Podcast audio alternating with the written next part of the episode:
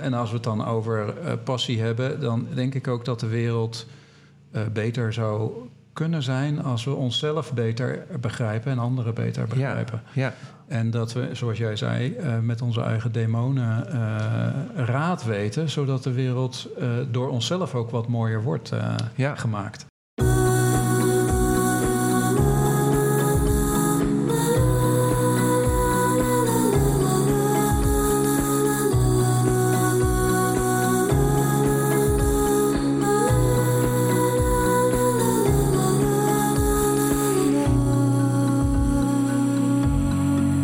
Philip Metz, levensgenieter, vragen stellen, filosofeerder.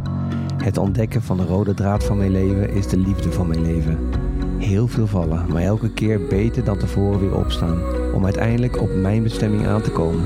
De plek diep in mij waar alles klopt en stroomt. Die plek, dat is mijn passie. Ik ga graag in gesprek over de liefde van je leven.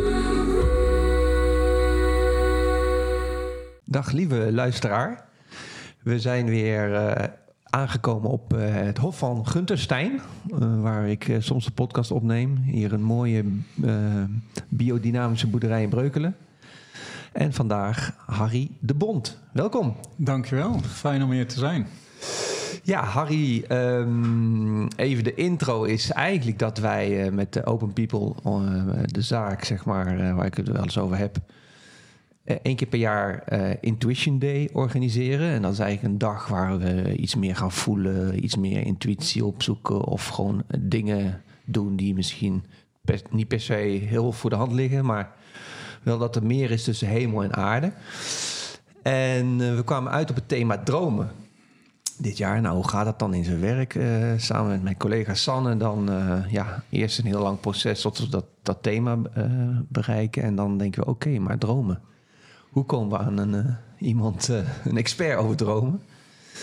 En dus we deden, ik deed een LinkedIn-oproep. Mm -hmm. En daar kwamen eigenlijk twee namen bovendrijven. Harry de Bond, jij, en Bas Klinkhamer. Die hadden we allebei zo opgeschreven.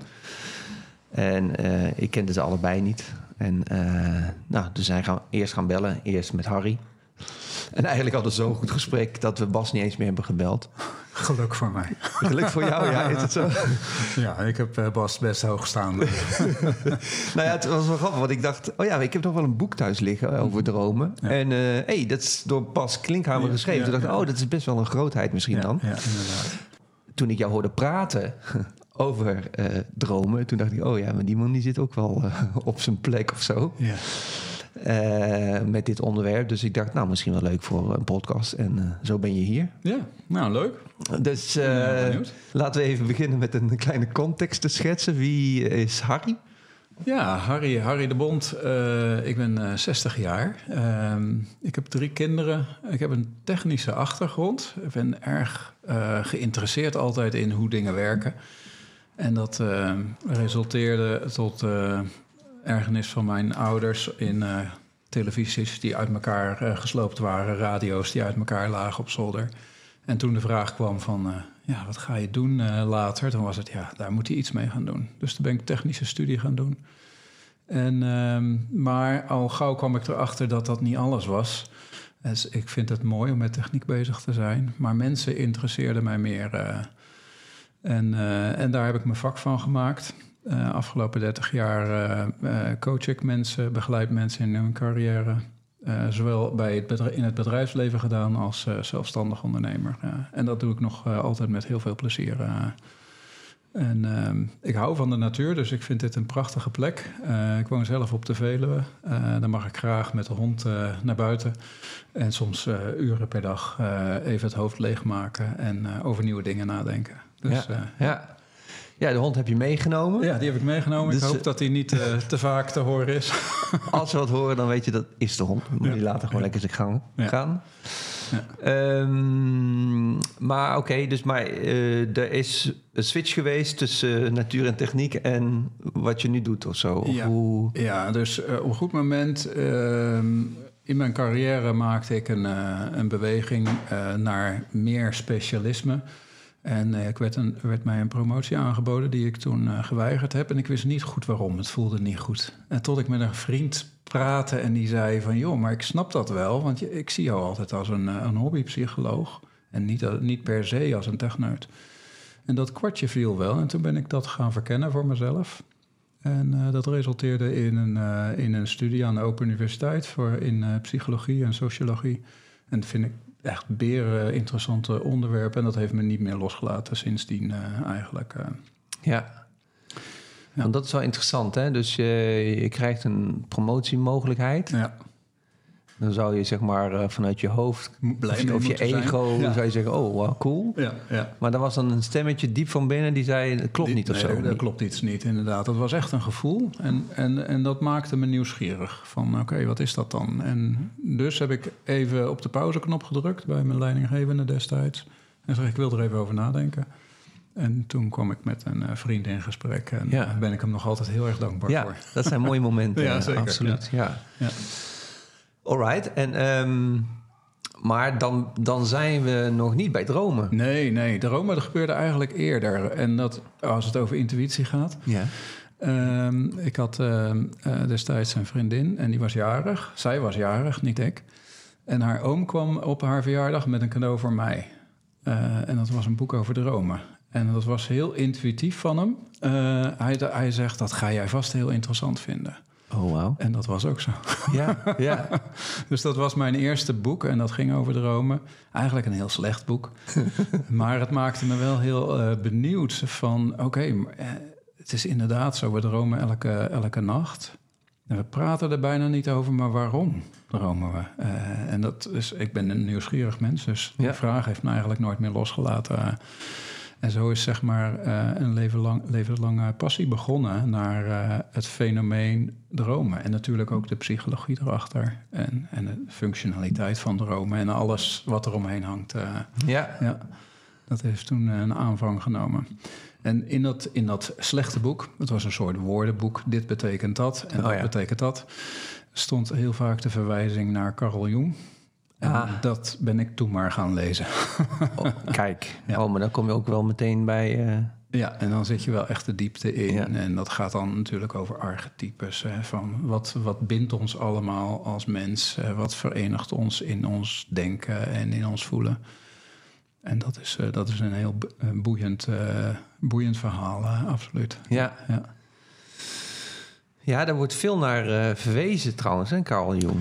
Ja, In de eh, was- psychologie, maar ja. ook in de astrologie achter. Ja, hij was natuurlijk eh, een groot denker eh, wat dat betreft. En, en in die tijd, psychologie was vooral bedenken hoe het zit. En er was weinig neurologie nog waar je wat mee kon.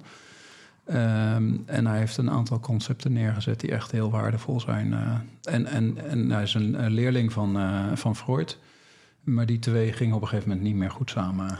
Ja, en Freud gooide alles op eh, seksuele onderdrukking. ja precies. En, eh, en, en Jung had zoiets, er is toch meer dan dat eh, moet er zijn. ja, heel Ja. interessant. Ja, het is wel een. ik heb daar laatst een film over gezien. Heb je die ook gezien? Ik weet niet welke film jij gezien hebt nog. Nou, ja, over Carl Jung. Ja, vast. Nee, Oh. ik, ik heb wel een film gezien, maar Oké, nou ja. Ook Ja. een slechte film, zeker. ja. Oké, ehm, maar wat is dan een droom? ja. Wil je eh, voorzichtig beginnen of de diepte gelijk in? nou, ga gewoon los. Ga gewoon los. Nou, eh, die vraag heeft me natuurlijk eh, een heel leven lang eh, eh, be- beetgenomen. En eigenlijk is dat heel lang onbeantwoord gebleven. Totdat ik eh, op een conferentie was voor eh, een internationale conferentie eh, voor de studie van dromen. En daar eh, was een presentatie van een eh, wetenschapper die had een theorie opgesteld dat dromen simulaties zijn om te oefenen. En dus ze, noemden dat, eh, ze noemen dat Threat Simulation Theory. En die betekent dat wij vanuit onze evolutie eigenlijk gedreven functionaliteit zoeken voor die droom. En dus dat betekent van wat we overdag meemaken, dat gaat soms net goed, maar je voelt aan je water dat er iets beter kan of dat, het, eh, dat, je, dat je geluk hebt gehad dat je er goed bent afgekomen. En om daarvan te leren, eh, dat doen we in onze droom. En dus dat is eigenlijk een soort simulatieruimte voor, voor de mensen om eh, uitdagingen en problemen aan te pakken. Oké. Dus dat is gelijk de diepte in. Ja, ja, ja, nou, ja we krijgen, krijgen meteen heel veel vragen. Dus even kijken hoe ik dit, goed. dit ga kanaliseren. Dat is goed, ja. Ehm, simulatieruimte. Ja. Nou, het is natuurlijk eh, fijn om eh, met voorbeelden te, pra- te, te, te praten. Dus ik heb Ja. er een paar van mijn afgelopen dagen, weken eh, meegenomen. Mhm. En dan even in het kader van een simulatieruimte. Ja, deze droom dan. ja. Ehm, er komt een wolf aangerend. Mhm. Oké. Eh, en eh, bij ons in huis. En het lukt mij om iedereen naar binnen te krijgen en ook de hond. En de wolf buiten. En de, ja, precies, sorry. Ja, dat is ja. essentieel. Ja. Dus oké, nou en ik denk, oké, ik loop nog even een rondje door het huis. En ik kom weer beneden, maar mijn hond is inmiddels toch buiten gekomen. Mm. En die wordt opgegeten Oh joh. Ja. door de wolf. Ja. En eh, zeg maar eigenlijk best wel dat zijn eh, ja, hoofd gewoon aangegeten Mm. is. En, eh, en er wordt dan nu aan, aan het nek, nek gewer- gewerkt. En- Best luguber. Ja. Ja, ja het, was niet eens zozeer een nachtmerrieachtig of zo. Niet zo'n heel slecht gevoel. Maar de, de- het vervolg was wel dat, dat, ik, dat ik dacht van... oké, nou, dan gaan we hem neerschieten. En Dus jongens, waar is het geweer? Dus gingen het geweer zoeken. En, maar die, die, die, op een of andere manier kon ik die niet vinden. En, en, en toen raakte ik in zo'n soort droom dat je iets niet kan vinden. Dat is Ja, wel ja, een ja, terugkerende droom bij mij. Dat, je, dat iets gewoon niet lukte de hele droom lang. Dat geweer dus. Dat geweer, nou ja, en toen, eh, ja. nou oké. Maar dus, dus ik word wakker met deze droom en denk, ja, wat de fuck moet ik hiermee? Wat ik wel erbij moet zeggen, Ja. is ik had de wedstrijd, eh, de, eh, de, dag, de dag ervoor zat ik een wedstrijd te kijken. Toen was er een keeper die bewusteloos werd of zo. Oh. En het was best wel een ernstige situatie. En de wedstrijd werd stilgelegd. En we Ja. wisten eigenlijk niet eh, of hij het zou overleven. Weet ik. Er was best wel onduidelijkheid. Het kan best zijn dat daar Mhm. ook iets... Dus dit moet ik even bijzeggen qua context. Ja, ja. ja dromen ehm, eh, hebben natuurlijk altijd te maken met dat... eh, in, in die context die ik net schetste... van je probeert een probleem op te lossen... hebben altijd te maken met iets wat je mee hebt gemaakt eh, kort geleden. Maar het kan natuurlijk ook zijn dat je er al lang mee rondloopt. Hè, en dat dat elke keer een, een eh, terugkerend probleem is. Dus... eh, en als, als het over een wolf gaat... Een wolf is natuurlijk een bedreiging, dat is duidelijk. Een bedreiging van buitenaf. En een agressieve bedreiging ook. Hè. Dus die sta, is je niet vriendelijk gezind. Dus, dus mijn eerste vraag zou zijn... want ik, je kunt een droom als eh, droomexpert niet uitleggen. Want Nee. dat moet eigenlijk de dromer doen. eh. Ja. En dan is mijn vraag van wat is er op dit moment dat je voelt als bedreiging, als, als agressief element in je leven waarvan je zegt, hé, hey, dat is een bedreiging. En, en met je verhaal van de keeper die bewusteloos is, zou het kunnen zijn dat je ergens zorgen over maakt eh, dat een bedreiging is voor jouw persoonlijke gezondheid. Eh, Nou, ehm, ja, het eerste wat in mij opkomt is, eh, heb ik het je net ook een beetje over verteld, dat ik, dat, dat ik in een proces zit van loskomen van mhm. open people, hè, Ja. op een andere manier zeg Ja. maar elkaar vasthouden, zullen we Ja. zeggen. Ja, En dat is noodzakelijk omdat ik voel dat ik, dat ik daarop leegloop ja, als ik dat niet doe. ja. ja. Oké, en dat is fysiek ook merkbaar? Ja, ja, absoluut. Oké. Absoluut. En dan, en dan is het geweer eigenlijk het grenzen stellen, het afweren, Ah, eh, wat je niet kan vinden. Oh, wauw. Ja. Die is meteen eh Die, voel, die voel je? ja. Ja, want het is, ik, ik weet nog niet zo goed hoe ik het moet vormgeven. Nee, nee. Dus en, daar dat, ben, en daar ben je naar op zoek en je wordt wakker zonder het gevonden te hebben. ja, En dan komen we gelijk bij het tweede fenomeen van dromen, wat echt interessant is, is eh, complexe problemen het duren vaak langer dan een nacht om opgelost te worden. Mhm.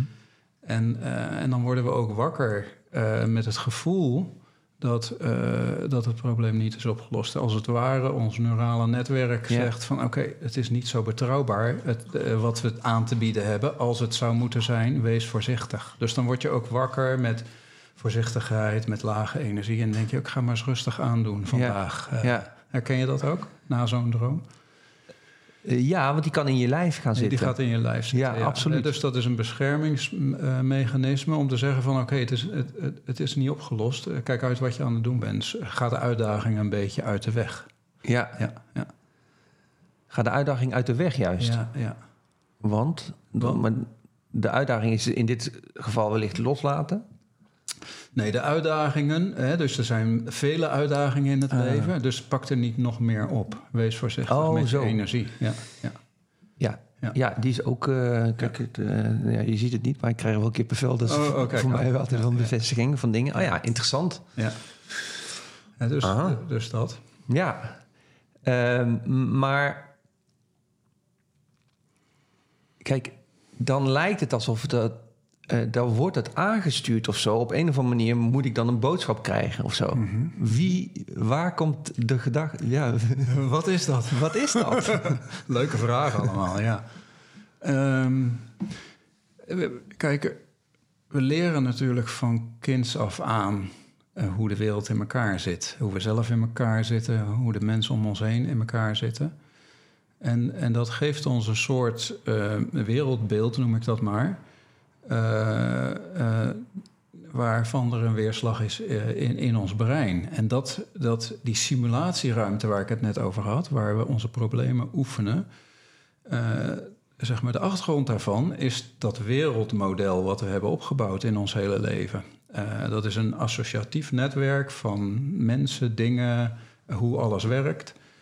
En ehm, dat probeert, zeg maar, s'nachts een oplossing te vinden voor eh, de problemen waar we voor staan. Eh, dus de, de antwoorden waar je, waar je naar vraagt, waar komt dat vandaan? Die komen uit jezelf.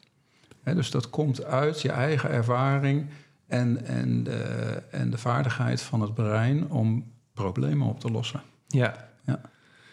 Want zitten we dan ehm, eh, gewoon heel dicht bij de harde schijf, omdat we dan in een alfa-staat, of ik weet niet wat voor staat dat heet, eh, maar eh, Eh, zeker. Dus je, je, krijgt. er zijn twee dingen aan de hand als je aan het dromen bent die van belang zijn. Eén is de zintuigen. Die zijn afgesloten van de hersenen. Dus je hoort minder, je ziet niks, je ruikt minder. en je voelt ook minder. Hè? Dus de, de, de, in, de ingang voor zintuigen is zeg maar geblokkeerd. Alleen gevaarprikkels eh, komen er nog doorheen. En sommige mensen worden wakker van hun eh, naam roepen. En dat is natuurlijk ook niet zonder reden. Het is allemaal eh, op overleven gericht. Eh, als je bijvoorbeeld rook ruikt, s'nachts, dan kan je wakker worden. Eh, maar van, eh, van een kooklucht word je niet wakker, eh zullen we maar zeggen. Hm. Dus eh, dat is één ding. Dus de zintuigen zijn afgekoppeld. En die zintuigen synchroniseren eigenlijk de hele dag overdag jouw wereldmodel. Je wereldmodel is eigenlijk een voorspellend systeem in je hersenen. Wat, eh, wat je eh, probeert te helpen om dingen gedaan te krijgen. Iedereen heeft een doel in, in het leven. Daar hadden we het voor de podcast ook al even over. En, en die doelstelling, of dat, die, dat purpose dat, je, dat, iedereen heeft, of het talent dat je moet eh, zien te vinden, eh, dat moet je op een bepaalde manier bereiken. En, eh, en dat, dat wereldmodel probeert dat vorm te geven voor je. En dus hoe kan je dat zo goed mogelijk bereiken? En we hebben natuurlijk allemaal ook een biologisch eh, doel om, om ons voor te planten, of in ieder geval het genenpakket, genenpakket van de mensen voor te, be- voor te brengen. En dat is zeg maar een biologisch doel. Maar omdat we hoger ontwikkelde organismen zijn, hebben we ook persoonlijke, individuele doelen mhm. die daarin meegaan in dat proces. En, en dus, de, dus eh, die zintuigen zijn afgekoppeld. Eh, en die simulatieruimte draait als het ware gewoon maar rond. eh, rond dat probleem. Dus een soort associatief eh, proces.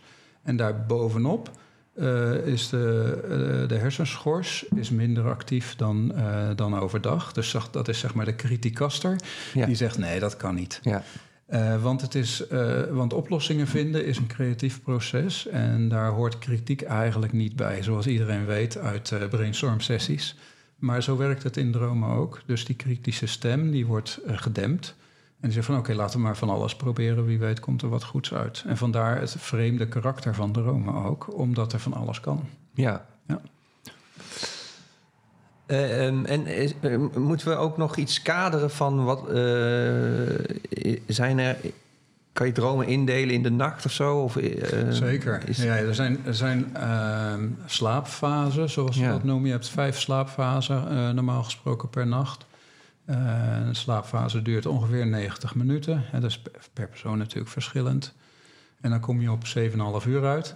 En een kwartier inslapen en een kwartier wakker worden, kom je op 8 uur uit. Hè. Dus dat is zeg maar een beetje het standaard verhaal. Eh, en dat is heel erg gemiddeld, want dat verschilt als, eh, als eh, kind slaap je en droom je veel meer. En als je volwassen bent en ouder wordt, ga je minder lang slapen. Dus dat zijn kaders al. En die, die, die vijf slaapfasen zijn heel interessant, omdat de eerste twee slaapfasen. ehm, de eerste twee slaapfasen, daar, daar is mijn hond. Ja.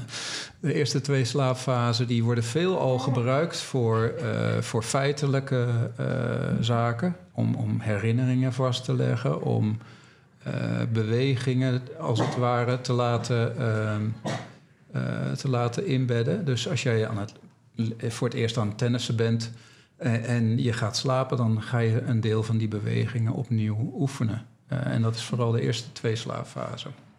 Ik zeg altijd maar, meer praktische zaken worden eh, bewaard en vastgelegd in de eerste twee slaapfasen. En in de laatste drie eh, de meer complexe problemen en emotionele zaken. Ja, de- maar, maar je kan dus eigenlijk vanaf het begin al dromen. Eh, ja, zeker. Ja, ja. dat viel me laatst op dat ik eigenlijk in slaap viel en eigenlijk meteen aan het dromen was. Ja. En omdat ik daarna wakker werd, wist ik dat. ja. ja. Aha. En dat hangt ook een beetje vanaf of je slaapschuld hebt, eh, zo heet dat. Ja, Als je, als je weinig, eh, als je slechte eh, slaapritme hebt, dan kan het zijn dat je een achterstand hebt. En dat je direct begint te dromen. Ah, oh ja. En, en dat hangt dus van een gezond slaapritme af ook. Sommige mensen die hebben daarmee geëxperimenteerd. En die hebben zo, oké, laten we het gaan onderzoeken door niet te gaan slapen en kijken wat er dan gebeurt. En dan? zo, en, en, zo, en die mensen beginnen terwijl ze hun ogen open hebben te hallucineren. Dus dat op een gegeven moment wordt die noodzaak van dromen Oh, zo echt? sterk ja. dat het gewoon door de realiteit heen gaat. En dat je op een gegeven moment niet meer weet wat echt is en wat, eh, Oh, wat nep. Ja. Want dat vroeg me eigenlijk ook af van wat is eigenlijk echt? Eh, Dat is gelijk de filosofische vraag die, eh, die, die, waar je tegenaan loopt als je natuurlijk met Rome bezig bent. En, eh, en als, wij, als wij zeggen dit is echt, dan eh, is dat natuurlijk niet omdat wij weten dat het echt is, maar omdat we onze zintuigen een bepaalde indruk geven aan onze hersenen. En die hersenen vertellen van dat is een rode vlag, bijvoorbeeld. Mhm, Eh, maar ja. in de werkelijkheid bestaat rood helemaal niet. Ja. want dat is gewoon een golflengte van elektromagnetische straling. Ja. En die heeft geen kleur. En dus die, die werkelijkheid bestaat al helemaal niet. Wij maken de werkelijkheid met dat wereldmodel van binnen. ja. En dat is eigenlijk een soort afspiegeling van de echte realiteit. Oeh, ja, die kun je- we kunnen nog dieper. ja. Maar, eh, want zou het ook kunnen zijn dat, dat zeg maar eh, de droomfase eigenlijk meer de realiteit is en, en dit hier eh, Nee, een soort pseudo-realiteit? Ja, ik denk, ik denk een mens in zijn leven eh, steeds vaardiger wordt in het begrijpen van de wereld om hem heen. En daarom zie je ook, eh, zie je ook dat ehm, eh, oudere mensen vaak doen aan, aan overdracht van wijsheid en kennis. omdat dat waardevol is voor, voor jongere mensen. Ehm, maar eh, als, dan, als je dan eh, de vraag stelt van eh, wat, wat moet je daarmee, dan denk ik dat het, het wereldmodel wat je aan het bouwen bent in de, in de loop van je leven steeds beter past, als het ware, op de realiteit. Maar nooit helemaal. Je bent nooit helemaal klaar met, oké, dit, dit is de echte realiteit. Ja. Zo zit het niet in elkaar.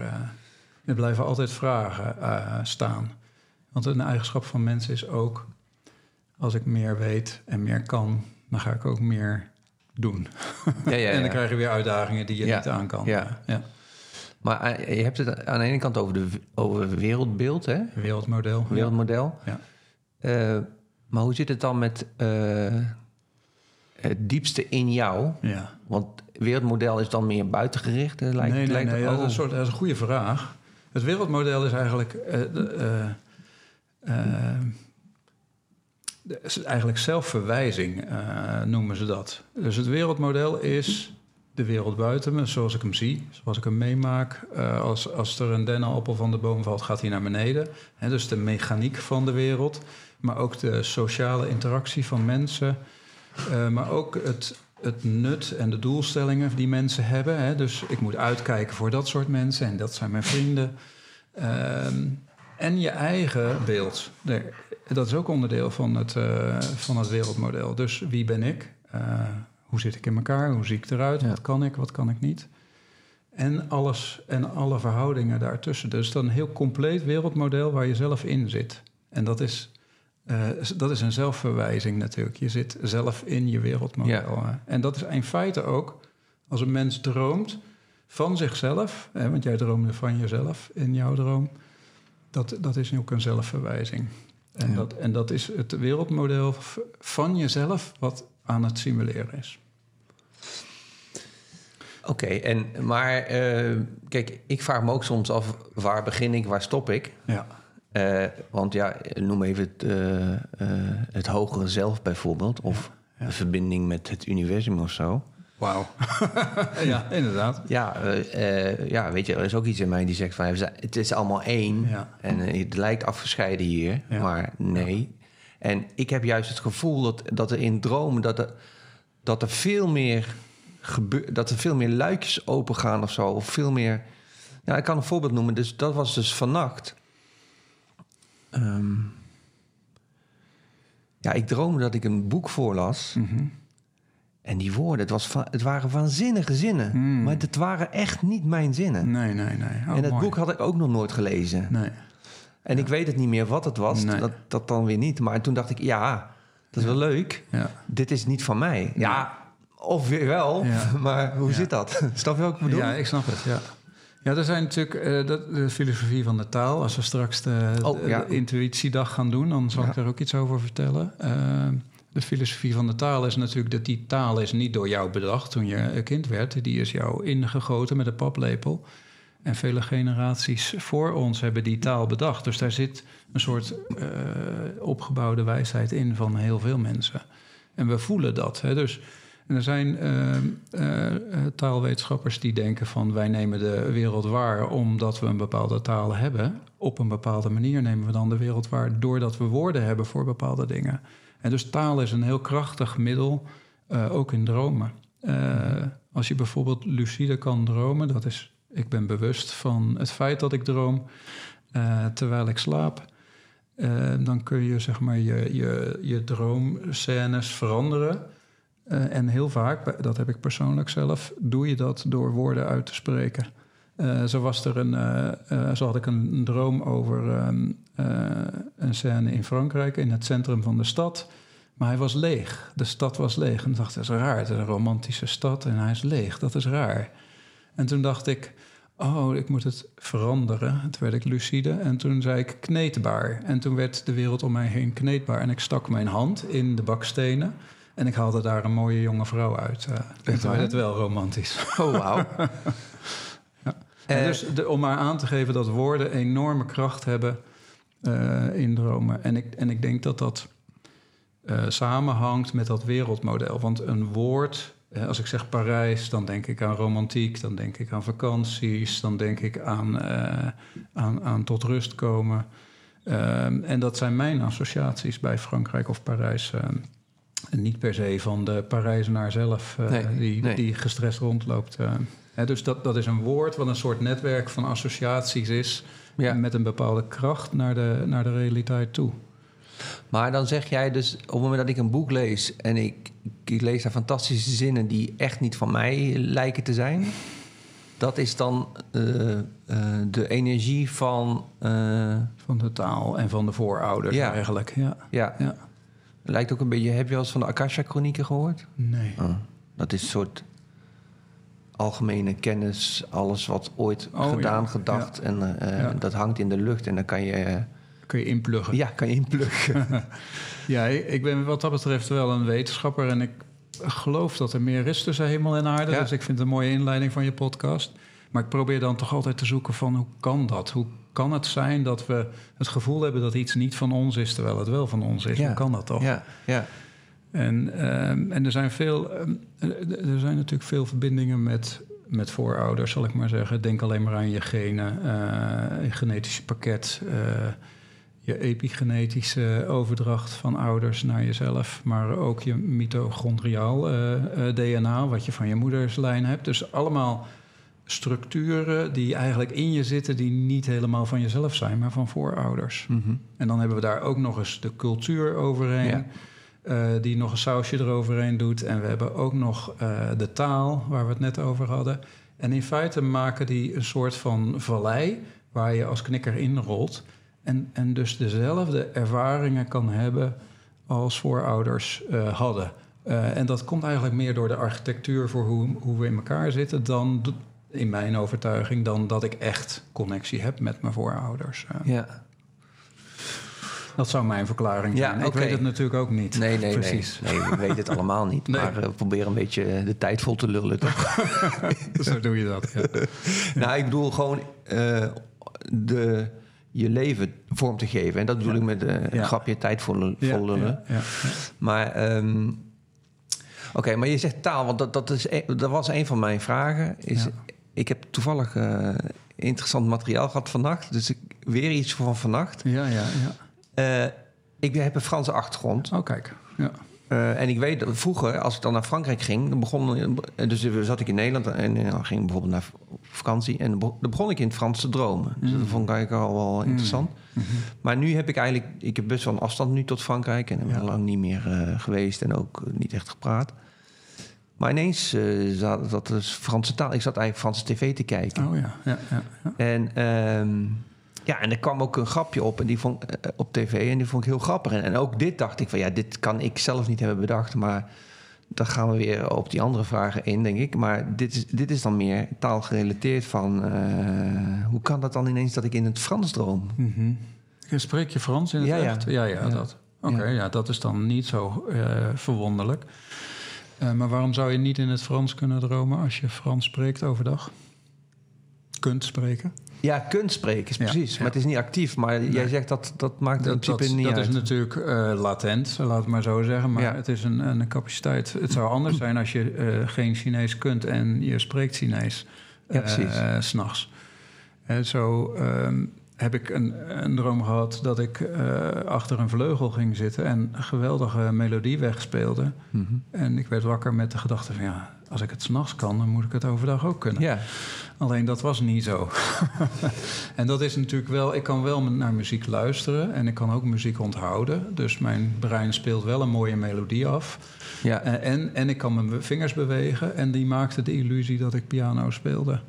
En ik denk dat het zo ook in Ah. elkaar zit. Eh, Nou, dan weet je wat je, ze, ze zeggen van Mozart of wat dan ook, dat die gewoon eh, downloads kreeg. ja. Ja, nee, ik ben, ja. Nee, dat kan- dat gaat bij jou niet in. muzikaal geniaal ben ik niet. Dus, eh, Nee, nou, maar ik wil, ik wil alleen maar zeggen, jij, jij zegt dan in, eh, over die piano, ja, dat, ik kan helemaal niet piano spelen, maar misschien kan je het dus wel. En je hebt nog niet gevonden de nee, manier. Nee, dat zou kunnen, ja. ja. Dus er zit iets muzikaals in mij, dat, dat zeker. Nou ja, Eh, maar het- dit, dit is ook wel weer een andere vraag van mij. Van, eh, want dat je, ehm, heb ik wel eens dingen over gelezen, dat bijvoorbeeld sporters of wat dan ook, die proberen, zeg maar, eh, in hun dromen ook hun sport verder te, ja, ja. te verbeteren of zo. Ja, dat sluit natuurlijk direct aan bij dat probleem oplossen waar we het aan het begin over hadden. Is dat dromen uitermate geschikt zijn om problemen op te lossen. hè. Dus als jij een, ver, een verspringer bent en, ja. en je zet elke keer je voetafdruk net een centimeter of tien eh, op de verkeerde plek en je krijgt het maar niet onder de knie. Dan is dat eh, ideaal als je dat met dromen kunt oefenen. En, dat, en veel sporters eh, grijpen ook naar dat middel eh, van lucide dromen om het ook Ja. bewust te doen. Ja, nou, mooi dat je... Want daar wilde ik toch over doorvragen. Wat is dan een lucide droom? Want jij hebt het een beetje zo Ja. verteld, maar ik denk Ja. dat voor sommigen De, wel... de platte definitie is eigenlijk dat je, terwijl je aan het dromen bent, weet dat je droomt. Dat is alles. Dat, dan ben je al, in de definitie van het woord, ben je al lucide. Dus dan ben je bewust van, ik droom terwijl ik in een droom zit. Ja, dus ik heb daar ook een voorbeeld van. eh, Dat ik... eh, soms heb ik zoiets... Oh nee, hier heb ik geen zin in. Ja, ja. En ik word wakker. ja. Dan ben ik heel even lucide en ik word wakker. Ja. Maar dit gaat veel verder, want je kan dus... Ja, dus dat is eigenlijk in kern is dat al lucide. En het gaat verder als je eh, in slaap kan blijven. Ja. En dat is natuurlijk eh, dat is een hele traditie in het boeddhisme eh, die daarop gericht is. Er zijn allerlei yoga-stromingen die zeg maar, de wijsheid van de mens moeten stimuleren. En eentje daarvan is eh, het bestuderen van de slaap, yoga nidra. En, en hoe daarmee om te gaan.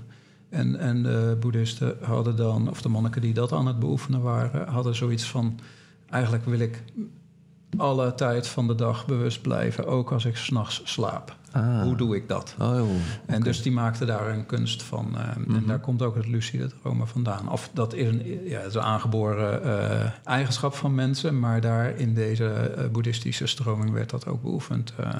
Eh. Je bedoelt aangeboren eigenschap dat iedereen kan... Iedereen kan dit. In de basis, ja. Iedereen kan dit. Ehm, eh, toen ik voor het eerst eh, het boek van Stephen LaBerge las over lucide dromen...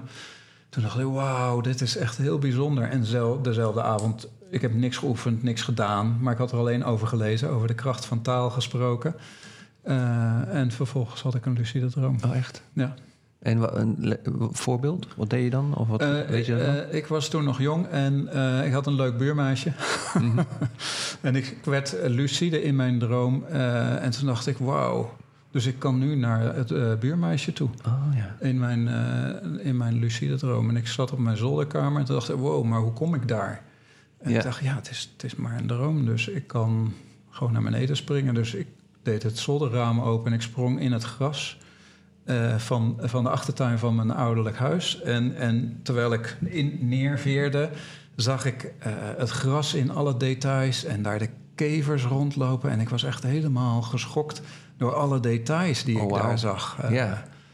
En, en dat was een enorme ervaring. Ja. En, En- en dat buurmeisje is er niet van gekomen, maar Oké, want, je, want je bent afgeleid dan? Ja, want het is, het is een, een kwestie van concentratie Ja. eigenlijk. Hè? Dus eh, als je lucide, lang lucide wil blijven, dan is dat een kwestie van concentratie en een soort evenwicht in emotie. Wel alert, maar niet te opgewonden. Want als je te enthousiast bent, Ja. dan eh, word je wakker. Ja. Ja. Aha. Ja. Ja, ja, ja, ja. Dus dat je zeg maar beseft van eigenlijk moet ik nu wakker worden. Ja, Bijvoorbeeld, eigenlijk kan ik nu wakker worden, maar ik doe het niet, zeg Ja. maar. ja. En, en dat is een soort rust, een soort eh, bedaren van je zenuwstelsel. Ja, ja. Oh, dat is wel cool. En dan, Ja. dus dat, dat- de luisteraars gaan dat allemaal vannacht oefenen. dus eh, we worden eigenlijk. eh, is dat ook? Is dat, gebeurt dat ook? Het, is het mooiste moment? Want je hebt altijd van die momenten dat je licht wakker wordt of zo. Eh, tussen die slaapfases in misschien. Is dat een moment om dan. eh, Ja, er zijn verschillende technieken eigenlijk om lucide te worden. Als je het over lucide hebt Mhm. nog steeds. Ehm, dat is eh incubatiemethode. Dat wil zeggen, ik ga voordat ik ga slapen met het voornemen Oh ja. naar bed dat ik lucide ga worden. En dat is een hele simpele. In feite is dat mij overkomen met het lezen Ja. van het boek eh, van Stephen LaBerge. Is dat een aanrader ook? Ja, Dus zeker. Ja, dus, Cre- eh, creatief dromen heet dat, geloof ik. eh Stephen LaBerge. En Stephen LaBerge is eh, zelf lucide dromer, maar ook wetenschapper. Dus daar kunnen we ook nog wel over praten... van hoe kun je dat bestuderen... en hoe kun je wetenschap bedrijven Wauw. daarover. Wauw, ja. Maar... ehm, eh, dus dat is een manier zo van... oh wauw, het kan en ik ga het, ga, ga het gewoon proberen.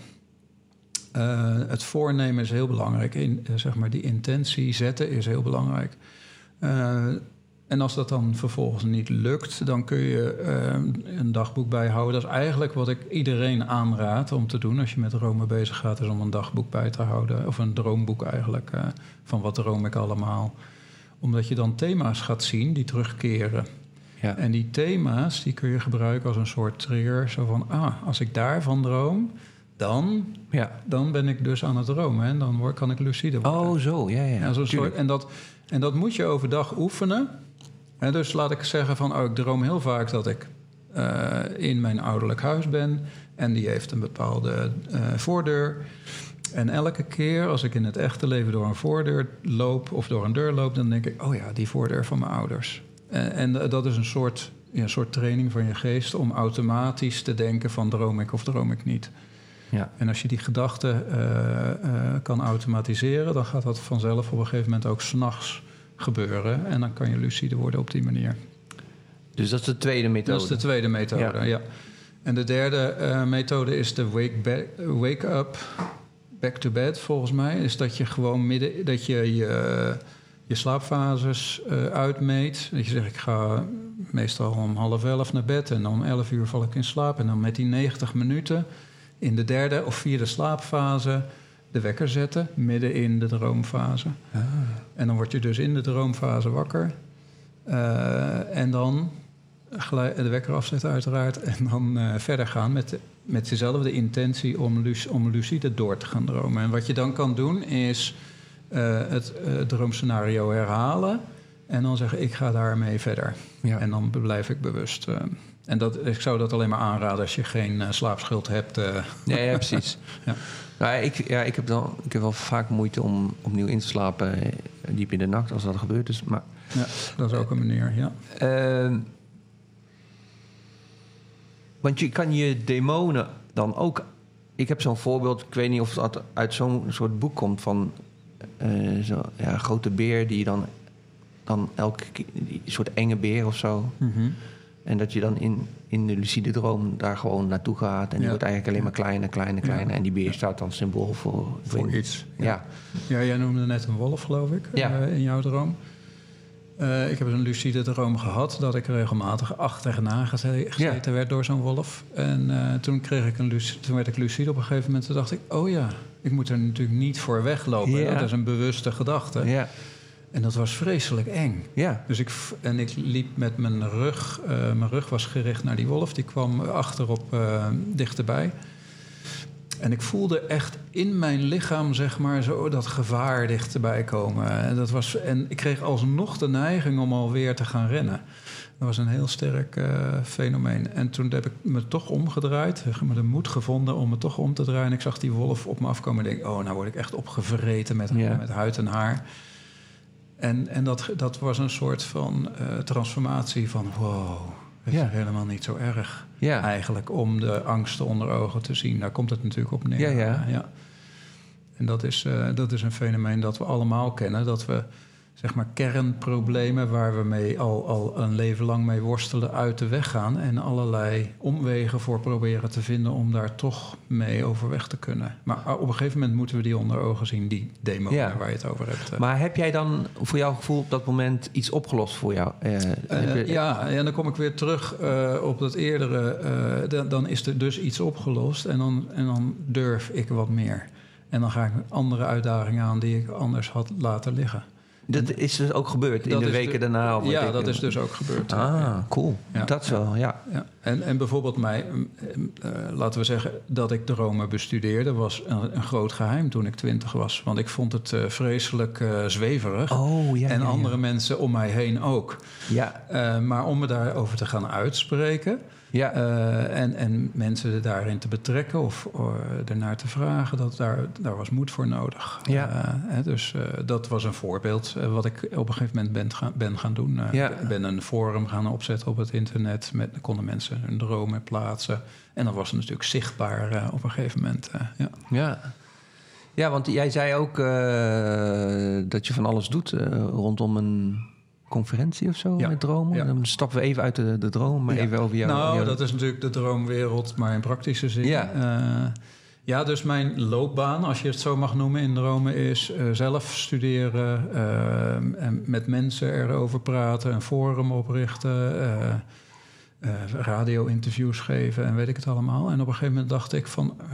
Maar ik zou zo leuk zijn om met andere droomenthousiastelingen te kunnen praten. Toen kwam ik erachter dat er in Nederland een vereniging is eh, voor de studie van dromen, de VSD in, eh, in het kort. En eh, daar ben ik toen lid van geworden. En dat zijn allemaal droomenthousiastelingen vanuit allerlei pluimages. Mensen die dat gewoon interessant vinden. Mensen die coach of therapeut zijn. Of mensen die in de wetenschap zitten. En ik, zat er nog geen, ik was nog geen jaar lid eh, toen de voorzitter destijds aan mij vroeg van... Goh Harry, er is iemand uitgevallen in, de, in het internationale eh, team, eh, conferentieteam. Wil je die plek opvullen? En toen heb ik ja gezegd. En sinds 2011 ben ik dus internationale conferenties aan het helpen organiseren. En, en daar komen wetenschappers van over de hele wereld bij elkaar om te praten over de laatste stand van zaken. Uh, therapeuten, psychologen, enthousiastelingen, ja. mensen die spiritueel gedreven zijn en allerlei mensen die ook op zoek zijn naar antwoorden voor zichzelf. Hè? Dus ja. echt gewoon, oké, okay, ik wil daar wel eigenlijk induiken. En dat is een, een vijfdaagse conferentie. Uh, en volgend jaar gaan we hem in Nederland verzorgen. Oké. Okay. Dus uh, bij deze nodig ik ja. iedereen uit om... Uh, Datum ongeveer? volgens mij zaterdag 7 juni, 8 juni. Ik weet niet wanneer ja. dat valt. Okay. ja. En het is een vijfdaagse con conferentie, Lomi, doe eens rustig. een vijfdaagse conferentie... Um, uh, met vijf tracks. Dus op elk moment van de, van de dag kun je vijf verschillende workshops, lezingen uh, en, en, uh, en voordrachten beluisteren en meemaken. En alle dagen beginnen met, met ik geloof, vorig jaar, vorig jaar hadden we er tien of zo. Dus dan, okay. zijn, dan kun je bij een groepje gaan zitten, je droom van de nacht meenemen. Ja. En, en een nieuwe techniek leren van een, een kenner die oh. met die droom aan de slag okay, gaat. Ja. ja. Want dat is eigenlijk, ik ja, ik kan me niet voorstellen dat, dat, dat mensen zijn die het niet leuk vinden om met hun dromen te analyseren. Of ja, zo, toch? Dat is iedereen het leukste wat er is. Ja, ja, ja. ja, ja, ja. Oh, cool. Dus je bent eigenlijk. Uh, dat is dan ook een. Je leeft je droom. Ja, ja, zo, ja, zo klinkt het wel. want aan de ene kant. Zo voelt het wel. Het voelt echt als een uh, vervolmaking van die vraag toen ik twintig was en dat boek kreeg. Van waarom dromen we? En, en dat ik nu samen met de wetenschappers van de wereld daarover mag nadenken. Dat is echt heel bijzonder. Ja, want je glundert gewoon helemaal van oor tot oor. Ja, dat is echt, ja, dat is echt uh, een levenslange passie, uiteraard. Ja. Ja, en daar, daar in principe, kijk, we hebben het nu over het thema dromen. Dat vind ik zelf heel uh, interessant. Maar een podcast gaat over liefde van, van, je leven. Dus eigenlijk het vinden van uh, wat kom jij hier op aarde doen. Maar dit is bij jou wel duidelijk dan. Ja. Nou ja, en ik denk, ik denk ook, en, en als we het dan over passie hebben, dan denk ik ook dat de wereld beter zou kunnen zijn als we onszelf beter begrijpen en anderen beter begrijpen. Ja, ja. En dat we, zoals jij zei, uh, met onze eigen demonen uh, raad weten, zodat de wereld door onszelf ook wat mooier wordt ja. gemaakt. Ik denk dat dat is echt, dat is echt de hoofdreden. als Ja. ik om me heen kijk, dan vind ik toch niet de wereld Nee. altijd even mooi als ik om me heen kijk. Nee, nou, ik ben het helemaal, helemaal met jou eens. Ja. Dus zeg maar, dat is eigenlijk de essentie voor eh, ook gewoon heel veel problemen. De Ja. polycrisissen, zeg maar. Ja, Die allemaal buiten onszelf afspelen, weet je wel. Ja. Maar als, het, als we intern de zaakjes niet op orde hebben... dan gaan we extern ook niet... eh, Nee, en, en ik denk dat we voor de uitdaging staan, nou we het toch over grote dingen hebben, als we naar de wereld kijken, is niet om al niet alleen maar om individueel ons zaakje op orde te krijgen, maar met elkaar. En dat Precies. is een nog veel grotere uitdaging. Maar je kunt de tweede stap niet nemen eh, zonder de eerste, ja, helaas. ja. En, eh, want je bent dus ook coach, of, Ja. eh, of ik weet niet, of Ja. ook, of coach. eh, Nou. Ja, ik ben ook coach. Maar gebruik je daar veel dat dromen in? Of Ja, niet dat... altijd, want jij komt gelijk met een paar dromen. Niet iedereen brengt zijn dromen mee. Nee, een, een bepaald percentage van mensen herinnert zich maar dromen. Dus niet al mijn cliënten die brengen stapels met dromen mee. Maar ik adviseer altijd mijn cliënten van weet dat ik daar wat mee kan. En het is een soort, een soort, ja, een soort eh, eh, een kortsluiting naar een snelle oplossing. Als je het Ja. over de dromen kan hebben. Want je hebt het zelf net gemerkt, het raakt gelijk de essentie. Ja, En, eh, en met praten kom je daar ook, maar dat duurt dan twee uur voordat je er bent. ja precies. Dus, Ja. En dus, dus raad ik ze aan om hun dromen mee te nemen. Ehm, maar dat kan niet zonder de context van wie, wie zijn Nee, ze, waar, waar worstelen ze mee en wat is hun uitdaging. Maar je zei wel, yoga nidra kan je helpen dan om in een staat van dromen te komen of Ja, zo? yoga nidra is eigenlijk, als je nou niet wil slapen per se, en, want dan ben je heel onbewust, maar, eh, maar je wilt, eh, wil het eh, ervaren, dan kun je yoga nidra beoefenen. Ehm, en die brengt je in feite heel dicht bij de slaapfase, als, het, als het ware. Terwijl het is een begeleide meditatie, eh, zoals ik hem doe. Terwijl de, degene die je begeleidt je, je eigenlijk eh, bij, de, bij de les houdt en dus wakker houdt. Dus je, gaat, je zweeft een beetje op het, eh, op het midden van wakker en, en slapen. Dat is dan iets anders dan hypnose? Het is bijna hetzelfde als hypnose. Oh, ja. Alleen eh, yoga nidra is een, ook een, is een traditie. Dus daar zit... hè, dus iedereen die eh, met een eh, zacht omvloerste stem praat... kan bijna hypnose doen. Hmm. Maar die traditie van yoga nidra die heeft het over die intentie... waar we het ook al over hadden eh, eerder.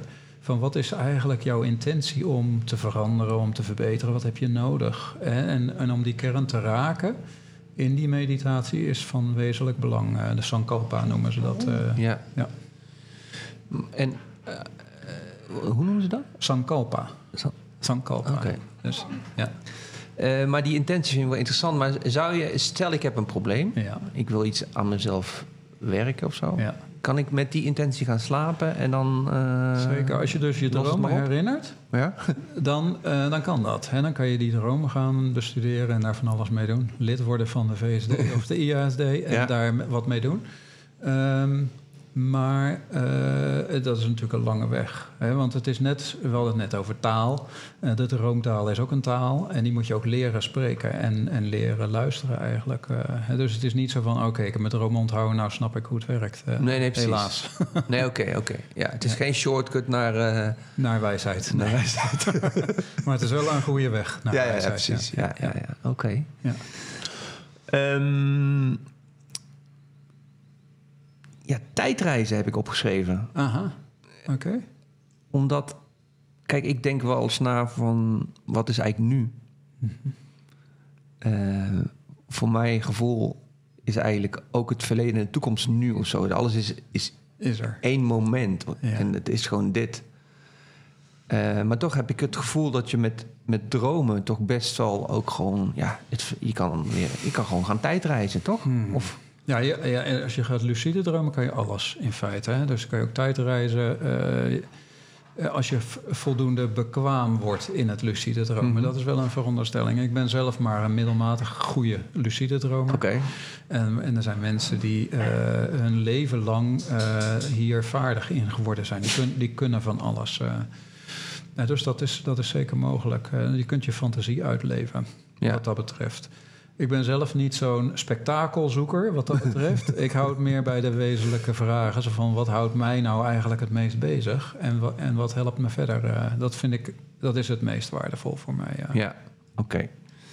En ehm, nog één droom die eh, voor mij eigenlijk best bijzonder was. Zonder dat ik, eh, nou misschien met in, dit, in de loop van dit gesprek begin ik te begrijpen wellicht. maar ik denk drie, vier jaar geleden of zo droomde ik eh, van een meisje Aha. van, eh, waar ik denk op mijn zestiende even verkering mee had. Oh ja. En ik werd wakker en ik had een verliefd gevoel in mijn lijf. Oh, kijk. Mooi. Ja. En dat is, heeft echt, denk ik, nou, twee dagen, tweede dag was al minder, maar het heeft echt twee dagen geduurd. Maar ook, ja, maar echt dat verliefde gevoel van. van Ja. en, en ik weet niet eens of ik zo verliefd op haar ben geweest Nee, trouwens. nee, want dat, nee. dat, Was het de eerste of niet? nee, Oh nee, niet eens. nee, Niet, niet- eens. Maar Hm. is het dan een- mijn verlangen naar verliefdheid of zo? Of, of, Ja, ik, ik hè, dus, eh, maar het zit echt in mijn lijf. Hè? Ja, ik bedoel, ja. bedoel, eh, als ik verliefd ben, Ja. dan eh, eh, eet ik ook niet meer. En zo. Nee, nou, dat was die dag. Ik had ook geen honger. En bedoel, ja. ik weet natuurlijk niet wat er vier jaar geleden gebeurd is. Hè. Dan ga ik weer. nee, ga ik oh, weer zo, ja, vragen. context. Ja, ja, sorry. Ja, ben je misschien met een nieuwe passie begonnen toen? Is dan de, kort, de kortsluitende vraag Ah, daarna. Oké. Dat, zou het, dat zou het kunnen zijn. Ja, dat zou het kunnen zijn. Ja. Dus dat je echt, zeg maar, de, de verliefd zijn is natuurlijk passie, is echt Ja. je ergens aan, aan toewijden. Ja, Eh, en, en, en zeg maar, die energie wordt dan vrijgemaakt in de droom. Eh, en kennelijk is dat nodig ja, eh, op dat moment. ja, En, die, en dat stelt je als het ware open voor iets nieuws. ja, Nieuwe relatie, zeg maar, Ja, ja, maar dan overdrachtelijk. eh. ja. Ja. Je hebt kinderen, hè? Ik heb drie Eh, kinderen, Drie kinderen. Heb jij daar... eh, ben je ook een droomcoach voor de kinderen of zo? Ja, dat gaat natuurlijk. dat ging natuurlijk, want ze zijn inmiddels allemaal uitwonend. Maar dat ging natuurlijk met, met het ontbijt al. Pap, ik heb gedroomd dit en ik heb gedroomd dat. ja. Dus dat ging vanzelf. En ik sprak laatst met mijn oudste zoon Fabian. En, eh, en die zei ook van ja, ja, dat is zo gaaf dat ik dat heb meegemaakt. Want ik merk dat, dat ik dat ook gewoon nu naar mijn vrienden en collega's aan het doen ben. Eh, en dat is natuurlijk geweldig om door te geven. Ja. Ja. Zeker, zeker. Ehm, en ehm, wat, wat... jij zegt ik ben een gemiddelde droom. Gemiddelde lucide dromer. Heb je daar nog een ambitie in om, eh, om daar... Eh, soms, soms denk ik, oh, ik moet er eigenlijk wat meer aandacht aan geven. Maar er is zoveel meer om, eh, om, om te doen eigenlijk. Eh, Maar noem eens wat dan. Wat, wat, wat, zou je dan nu willen doen in het dromenspectrum? Ja, ik, ik ben op dit moment bezig met, en alles komt tegelijk nu. ik ben gevraagd door de Nederlandse Vereniging om een lezing te houden aanstaande zaterdag. Door jullie gevraagd om een dag te veroor- ver- Ja. verzorgen. En mijn, mijn doelstelling voor eh, volgend jaar in de internationale, eh, internationale congres is om voor het eerst zeg maar, mijn beeld over de Roma neer te zetten. Ja. Dus dat is eigenlijk wat me be bezighoudt. Oh, ja. Dus ik ben mijn hele leven al bezig van hoe zit het, hoe zit het. ja.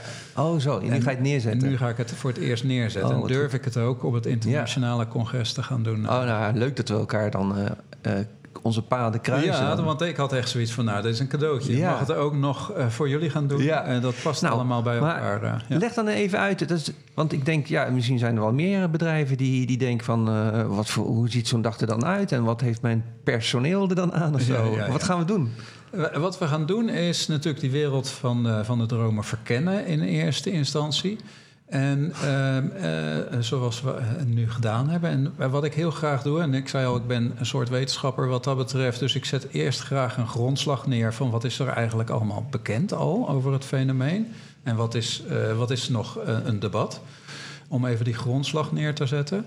En dan maar vervolgens ook om eh, mensen met hun eigen eh, problematiek aan de slag te laten gaan. eh, door eh, daarover na te denken. Ze kunnen misschien dromen meenemen. Maar door middel van yoga nidra ook bij de kern komen van wat heb ik eigenlijk in diepste zin nodig op dit moment. Hè? Dat kan natuurlijk eh, van alles zijn. Hè? Grenzen stellen hadden we het al even over. Eh, maar het kan ook zijn, eh, ik moet iets anders gaan doen. Ik heb geen passie eh, voor mijn carrière. Ik moet een keus maken. Of het kan van alles zijn. Pas op, want dat is niet zo leuk hè, dan voor de werkgever. Dat ligt eraan. Iedereen, nee, maar ja, ik vind het niet erg. Maar, Ja, ja.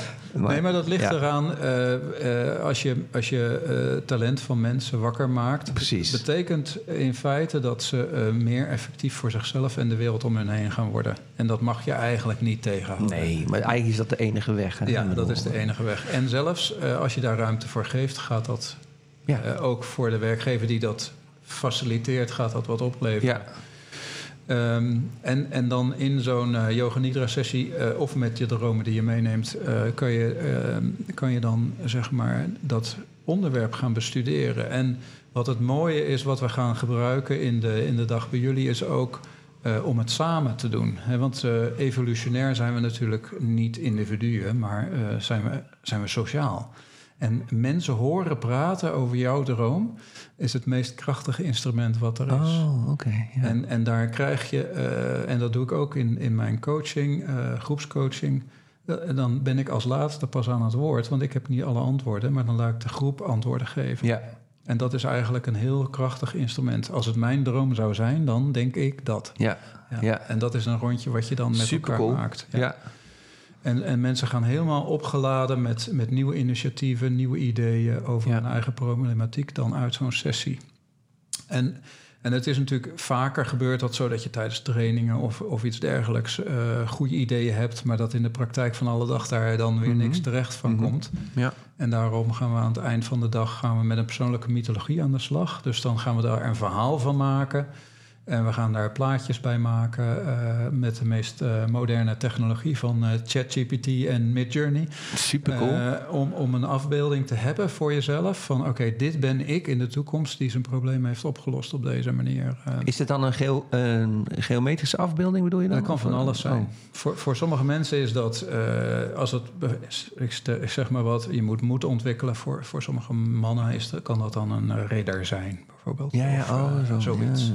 Of eh, ik moet kwetsbaar worden en dat kan Ja. dan iemand zijn die eh, eh, zijn vingers of zijn zijn tenen in een meer dipt. Het kan van alles zijn. Mythologie is persoonlijk. Ja, ja, Dus, en dat moet je zelf ook maken. ja. ja. Weet je, ik, eh, ik heb er nu al zin in. Dus Ja, eh, mooi. lijkt me heel leuk. dus eh, Lijkt me heel leuk. ja. Ehm, wat, is er een vraag die ik eigenlijk ben vergeten te stellen? We zitten rond het uur, dus dat, dan wil ik eigenlijk een naar... heleboel mooie vragen gesteld. Nee, ik denk dat uh, een mooi uh, rond verhaal is zo. ja, hè? Ja. Dat gevoel ja. kreeg ik ook wel. Ja. En natuurlijk kunnen we hier denk ik ook nog dagen, weken over, over verder praten. Ja, heel graag. maar je hebt wel bij mij iets aangewakkerd. Dat vind ik gewoon altijd leuk. En dat is ook de reden waarom ik onder andere de podcast doe. Is zeg maar om zelf het onbevangen kind te zijn. En, en ik wil ook uh, niet te veel voorbespreken hierover. Nee, zodat nee, het dat hebben meer we niet spontaan. Ja, uh, leuk. Dus uh, dankjewel. Ja, jij heel erg bedankt voor deze mogelijkheid. Alright. Nou, succes met het verder dromen in de markt zetten. dankjewel. Alright. Doeg.